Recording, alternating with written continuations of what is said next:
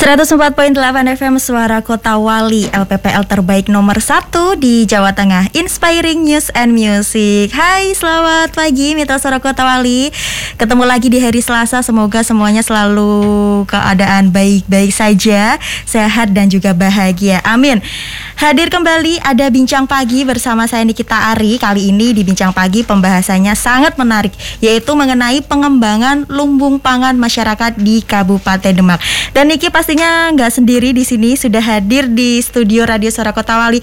Selamat pagi Bapak Dr. Randes Muhammad Agus Nugroho. Selamat pagi Bapak. Selamat pagi. Assalamualaikum warahmatullahi wabarakatuh. Waalaikumsalam. Salam sehat, salam sejahtera. Amin, Bapak sehat-sehat Bapak? Amin, Alhamdulillah sehat walafiat. Amin. Wah ini Bapak terlihat sekali ceria Bapak. Iya. Uh, pertama kali ketemu sama Niki nih Bapak. Iya.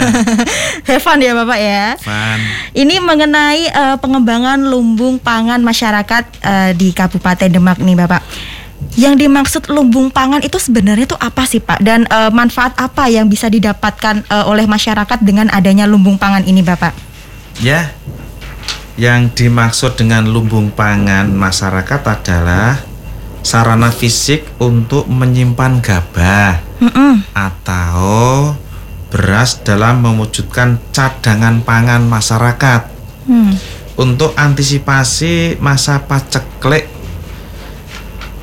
dengan adanya gejolak harga atau mungkin bencana atau mungkin bencana sosial yang lainnya. Ini kan bentuknya cadangan beras. Hmm. Ji. Dan pemerintah juga punya cadangan beras yang tersimpan di beberapa OPD ada di tempat kami Dinas Pertanian dan Pangan, di Dinas Sosial, di BPBD dan sebagainya dan sebagainya. Oke. Nah, ini ada berapa ini sebenarnya Pak ketersediaan lumbung pangan di Demak sendiri Bapak? Jadi manfaatnya untuk lumbung pangan itu yang pertama untuk meningkatkan volume cadangan pangan kelompok untuk menjamin akses dan kecukupan pangan bagi anggotanya. Yang kedua, meningkatkan modal kelompok melalui pengembangan usaha ekonomi produktif di bidang pangan. Oke, itu kalau manfaatnya nggih Pak Nggih. ya. Nah, untuk ketersediaan lumbung pangannya di Demak sendiri nih Pak, ada berapa ini keter eh, lumbung pangannya? Ada kurang lebih 36 lumbung pangan masyarakat. Oke, banyak ya ternyata nggih Pak. Ye. Kita berharap setiap desa punya Hmm, karena terus terang eh, untuk pengendalian mm-mm. Pangan dan sebagainya itu kan memang eh, apa istilahnya ya tempatnya yang paling strategis di desa. Oke. Ye, Kalau ye. kota malah belum ini ya Pak ya. ya kalau desa sudah punya semua kota otomatis lebih kuat lagi. Waduh, Ye. bener mantep nih. Ye. Kemudian nih Bapak, eh, bagaimana melihat kondisi Demak? Ini kan Demak itu kan memiliki potensi di bidang pertanian yang sangat luar biasa nih Pak, bagus sekali di bidang pertanian nih. Keuntungan-keuntungan apa nih Pak yang bisa didapat di sektor pertanian ini Bapak? Jadi kondisi Kabupaten Demak itu sebagai lumbung pangan nomor tiga tingkat provinsi Jawa Tengah. Wow, nomor Tepuk tiga, tangan. waduh luar biasa. Jadi memiliki ketersediaan pangan yang baik. Untuk komoditas beras, Kabupaten Demak memiliki produksi padi pada tahun 2021 sebanyak 676.610 ton. Wow, Itu setara dengan beras sebanyak 410.208 ton. Sedangkan kebutuhan masyarakat di Demak hanya kurang lebih 115.459 ton sehingga surplus sebanyak 294.749 ton. Selain itu, komoditas yang surplus secara signifikan lainnya adalah jagung, kacang hijau, daging, bawang merah. Namun masih ada komoditas yang minus. Terpaksa harus mendatangkan dari luar daerah yaitu kedelai, telur, susu, cabai rawit dan ubi kayu. Oke. Sedangkan ketersediaan Kabupaten Demak sebagai lumbung pangan itu antara lain ya tadi padi, jagung, kedelai, kacang tanah, kacang hijau, ubi kayu, ubi jaler, kemudian daging, telur, susu, cabai merah, cabai rawit dan bawang merah. Itu Mbak Niki. Begitu eh, apa namanya mendengar tadi yang disampaikan Pak Agus ini begitu melimpah ruah nih eh, apa namanya yang ada di Demak dari sektor pertanian nih. Bagaimana nih sih Pak cara dari Pak Agus untuk mempertahankan ini Bapak? ya mestinya selain kita harus menyediakan lahan sawah lestari kalau bahasa orang-orang Oke. sekarang atau kalau bahasa di tempat kami lahan baku sawah yang saat ini masih proses penetapan SK bupatinya agar supaya sawah-sawah itu atau lahan-lahan itu tidak dipakai untuk peruntukan lain selain untuk tanaman pangan. Oke, Iya. menarik. Kemudian bagaimana nih Pak cara dan juga syarat membentuk lumbung pangan? Apakah ada kriteria-kriteria eh, tertentu nih dalam pembentukannya Bapak? Ya, ada. Jadi persyaratan untuk menyiapkan calon lumbung pangan atau penerimaan manfaat itu merupakan gabungan kelompok tani yang sudah berdiri minimal 2 tahun. Kemudian sudah berbadan hukum, punya akte notaris, gitu. Kemudian mampu menyediakan lahan minimal 600 meter persegi berupa tanah desa yang sudah disetujui kepala desa dan BPD atau tanah anggota yang sudah dihibahkan kepada gabungan kelompok tani. Kemudian yang keempat bersedia melaksanakan kegiatan sesuai dengan juklak dan juknis kami. Kemudian yang terakhir mengajukan proposal kepada bupati atau CEHI Kepala Dinas Pertanian dan Pangan Kabupaten Demak yang diketahui oleh kepala desa, penyuluh pertanian dan camat. Hmm. Itu calon lumbung padinya. Oke, baik. Eh, Pak Agus, apakah ada rencana program kerja dari eh, Dinas Pertanian dan juga Pangan di tahun 2022 ini, Pak? Yang dekat-dekat ini akan dilaksanakan apa saja nih, Pak, terkait lumbung pangan masyarakat Kabupaten Demak? Ya.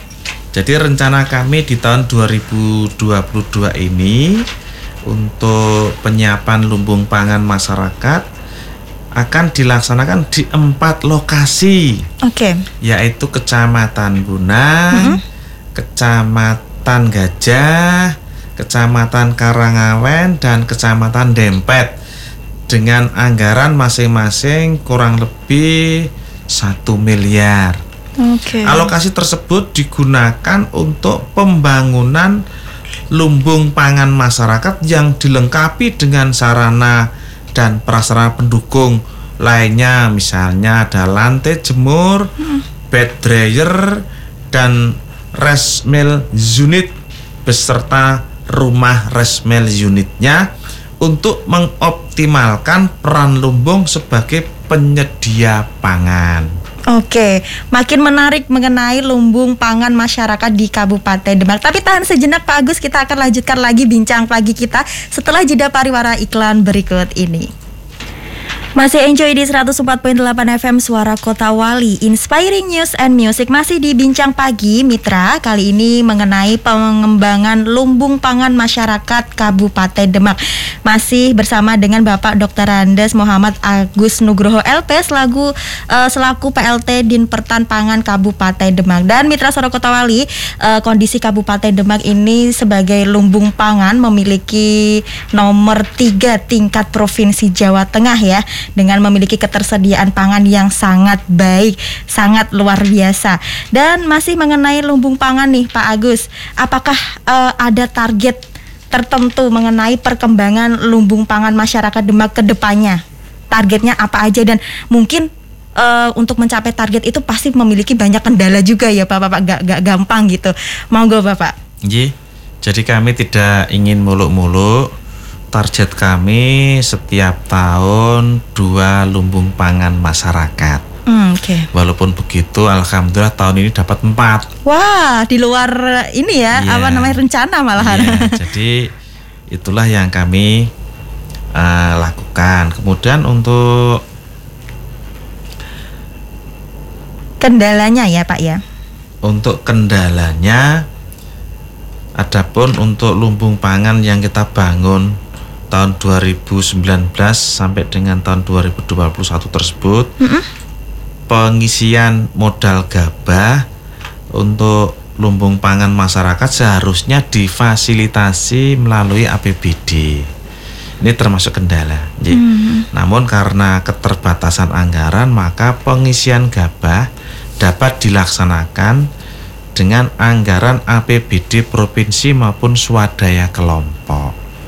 Sehingga uh, ke depan kita berharap bahwa semua memiliki kesempatan untuk berperan mengisi hmm. lumbung pangan tersebut. Oh. Ya. Oke, okay. Pak. Ini kan uh, kita kan sedang uh, dilanda pandemi COVID-19 ya, Pak ya.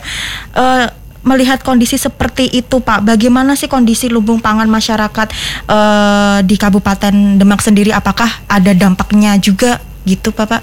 J, alhamdulillah dampaknya secara langsung tidak ada. Oke. Okay. Jadi petani ini kan jam kerjanya itu berada di sawah dari jam 7 sampai jam 12 siang. Hmm? Itu Covid takut karena selain anginnya kenceng, sinar mataharinya kuat, panas. Okay. Apalagi dia bekerja tidak pernah bergerombol. Selalu ini iya, jaga jarak ya, iya, ya Pak. Malah mematuhi prokes sejak dulu. Iya, dari sudah sejak awal para petani ini sudah memahami protokol kesehatan. Sehingga alhamdulillah uh, dari beberapa sektor mm petani atau peternak kita ini yang tidak kena pengaruh pandemi COVID-19. Oke, berarti pandemi ini uh, untuk sektor pertanian itu malah uh, tetap unggul gitu tetap ya Pak. Unggul dan hmm. bertahan. Mantap Termasuk sekali. ketika resesi dulu mm -mm. tahun 97 ya. itu juga paling eksis itu petani dan peternak. Hmm. Ya memang ada fluktuasi harga telur hmm. misalnya hmm. naik turun dan sebagainya, tapi pengaruh langsung tidak ada. Tapi sebenarnya uh, strategi apa sih Pak Agus uh, agar pertanian ini tuh tetap eksis gitu loh Bapak? Yang pertama ketersediaan lahan hmm. itu penting. Jadi lahan, kemudian air, kemudian alat-alat mesin pertanian, kemudian pupuk. Lah ini loh pupuk ini yang menjadi masalah setiap tahun karena memang terus terang ketersediaan pupuk subsidi khususnya itu baru kurang lebih 64% kebutuhan kelompok tani sehingga masih kurang sehingga hmm. walaupun kita bagi rata pun tetap ada yang belum menerima. Terus kekurangannya itu uh, didapat ya, dari mana? Itu? Dia harus membeli pupuk yang non subsidi. Hmm. Ya harganya tetap berbeda. Tapi hmm. memang kadang-kadang ada petani yang harga dirinya tinggi. Jadi dia tidak mau menggunakan pupuk subsidi. Jadi mungkin ini berpengaruh dengan kualitasnya mungkin Bapak. Mungkin begitu, nggih. Tapi kita berharap dengan menggunakan pupuk subsidi kan biaya produksinya tidak begitu tinggi hmm. sehingga kesejahteraannya lebih meningkat. Hmm. Apalagi sekarang ini biaya produksi tidak dikurangi biaya transportasi karena transportasi kita sudah bagus semua. Ya. Dulu biaya transportasi kita tinggi karena jalannya hmm. rusak. Banyak sopir yang tidak mau ngambil beras di Bunang misalnya, oh. di Wedung misalnya, di pelosok-pelosok. Tapi sekarang ini tidak ada jalan yang berlubang. Nah, cakep ini pokoknya. Oke, Pak, di tengah isu pembangunan nih seperti uh, apa namanya perumahan pabrik ini kan makin merajalela ya Pak dan itu malah makan lahan pertanian nih Pak. Bagaimana Bapak Agus uh, menanggapi hal seperti itu dan apakah ada rencana-rencana tertentu ke depannya nih Bapak? Ya sesuai dengan program dari Kementerian Pertanian mm -hmm. bahwa kita harus menyediakan lahan baku sawah istilahnya okay, apa yang itu, tidak Pak? boleh diutik-utik mm. istilah bahasa di Demaknya namanya sawah lestari. Okay. Jadi kalau sawah lestari ini kita nanti tinggal menunggu SK Ibu Bupati. Setelah di SK kan, nanti kita jaga itu sawah-sawah itu. Syukur-syukur Nyun Sewu nanti ada insentif dari pemerintah kepada para petani yang memang menyediakan sawahnya untuk dijadikan sawah lestari. Oke. Kita bertahan, artinya kita pertahankan sawah-sawah itu agar eh, swasembada pangan kita masih bisa eksis kemudian lumbung pangan pang- pangan masyarakatnya juga lebih eksis lagi. Jadi lahanlah yang pertama yang harus kita pertahankan untuk bisa men- mempertahankan lumbung pangan masyarakat maupun swasembada pangan masyarakat itu yang pertama harus kita pertahankan adalah lahan-lahannya Oke, Cie. oke baik, Eh, Pak Agus. Ini pandemi COVID-19 ini kan eh, menyebabkan apa ya perekonomian itu eh, sebagian mengalami ke merosot gitu ya Pak. Bagaimana nih Bapak untuk menghimbau masyarakat apa ya untuk memanfaatkan lahan pekarangannya gitu di tengah pandemi ini? Ya, sebenarnya sejak dulu masyarakat itu sudah lebih cerdas dibanding pemerintah malah. Kadang-kadang penyuluh kami itu kalah canggih dengan petani-petaninya karena mereka langsung. Nah, mereka bisa memanfaatkan lahan-lahannya yang di pekarangan, kemudian lahan-lahan yang lain. Ada yang maaf ini eh, mengalihkan dari sawah menjadi tegal karena potensi komoditas seperti nyun sewu melon, kemudian bawang, kemudian semangka, kemudian belewa itu nilai jualnya lebih tinggi. Ya tetap kami sarankan untuk pada petani eh, program padi jagung lelenya jangan lupa karena ini eh, komoditas-komoditas yang dibutuhkan masyarakat yang menjadi prioritas atau yang menjadi unggulan di Kabupaten Demak. Iya. Tapi eh, sebenarnya dari Dinas Pertanian dan juga Pangan Kabupaten Demak ini pernah melakukan apa ya sebuah kayak sosialisasi kepada petani-petani begitu Bapak? Kalau sosialisasi memang tidak secara formal. Kita kadang-kadang ada petani gerombol gitu kita datang. Hmm. PPL PPL kita, kemudian kita bicara apa yang menjadi masalah, apa yang menjadi keluhan langsung disampaikan pada PPL PPL kita. Cuma PPL kita ini memang tidak banyak. Malah maaf ini semakin berkurang, semakin berkurang karena pensiun. Oke. Kita berharap nanti pemerintah membukalah. Kalau memang tidak PNS ya PPPK misalnya bisa direkrut dari adik-adik kita, anak-anak kita yang memiliki disiplin ilmu di situ. Hmm. Sehingga petani kita itu ada yang mendampingi, jangan sampai dibiarkan. Pemerintah harus hadir di tengah-tengah para petani. Demikian. Baik, siap Bapak eh, Bapak Agus. Dan eh, Pak Agus, ini bagaimana sih Pak Agus melihat dari apa ya eh, lahan pertanian yang ada di Kabupaten Demak itu menurut Pak Agus tuh bagaimana Pak? Eh, apa ya komoditas dari pertaniannya itu saat ini tuh bagaimana Bapak? Apakah sangat berpeluang sekali untuk masyarakat atau bagaimana nih Bapak? Ya seperti yang tadi saya sampaikan, contohnya padi saja nggih. Padi itu kita panen tahun ini 676.610 ton. Ya. Yang kita gunakan untuk konsumsi masyarakat Demak hanya kurang lebih 115.459 ton. Berarti kan ini surplus. Surplus ini kita kirim keluar. Karena ada beberapa kabupaten kota yang memang sudah menjadi mitra kita ketika kita panen raya, kita keluarkan hasil panen kita itu ke sana dan harganya pun ya semoga tidak turun. Lah, dari beberapa komoditi ini memang yang menjadi unggulan adalah padi, jagung dan kedelai. Di sini. Gitu. Jadi padi, jagung, kedelai dan kacang hijau yang menjadi unggulan di Kabupaten Demak. Oke. Kita berharap, kita berharap para petani ini juga mematuhi pola tanam.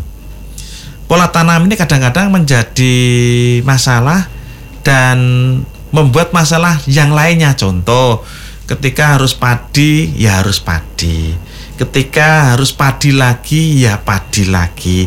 Tapi ketika yang ketiga harus polowijo, misalnya bisa jagung, kedelai, kacang hijau, ya mestinya itu.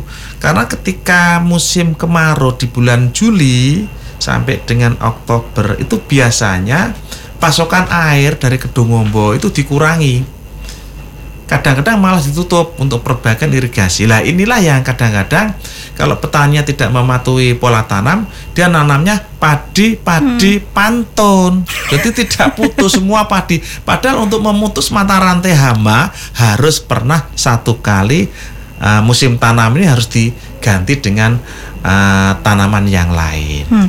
Itu kan kalau uh, apa namanya keunggulan nih yeah. dari dari sektor pertanian nih. Tapi uh, dari kacamata Pak Agus nih apa ya ancaman dari luarnya itu seperti apa Pak untuk lahan pertanian nih ya. yang bisa dihadapi masyarakat? Ya, hama, hama, tidak ada yang hmm. lainnya kecuali waktu harga cabai itu turun sangat tinggi, oh, bukan tinggi. sangat tinggi itu sampai dijaga 24 jam oleh petani jangan sampai dipanennya orang lain oke okay. iya ini hama juga ini hamanya berbentuk ini ya manusia, manusia.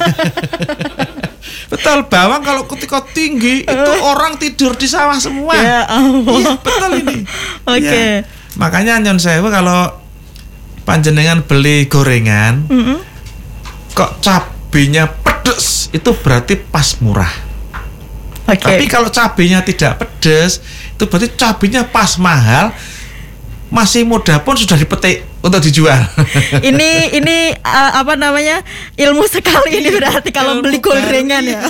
okay. Bisa dipakai ukuran itu. Oke okay, baik, kita akan lanjutkan lagi bincang pagi kita Pak Agus mengenai pengembangan lumbung pangan masyarakat di Kabupaten Demak. Tapi setelah jeda iklan pariwara berikut ini, Mitra Suara Kota Wali tetap di 104.8 FM, LPPL terbaik nomor satu di Jawa Tengah. Masih di bincang pagi Mitra mengenai pengembangan lumbung pangan masyarakat Kabupaten Demak. Pak Agus, nggak kerasa kita sudah di segmen terakhir. Tapi sebelum kita pamit nih Bapak, uh, closing statement di bincang pagi ini mengenai lumbung pangan masyarakat Kabupaten Demak. Mungkin ada pesan-pesan tertentu untuk khususnya para petani, ya Bapak. Monggo. Yeah.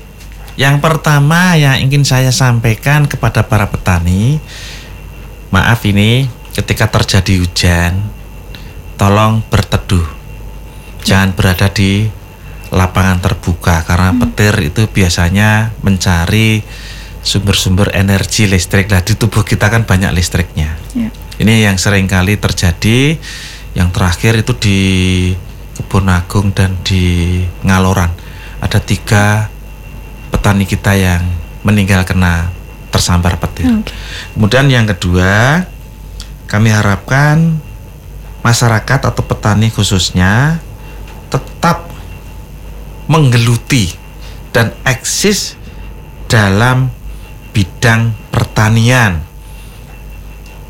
Karena sektor pertanian ini merupakan sektor unggulan khususnya di Kabupaten Demak, umumnya di Indonesia.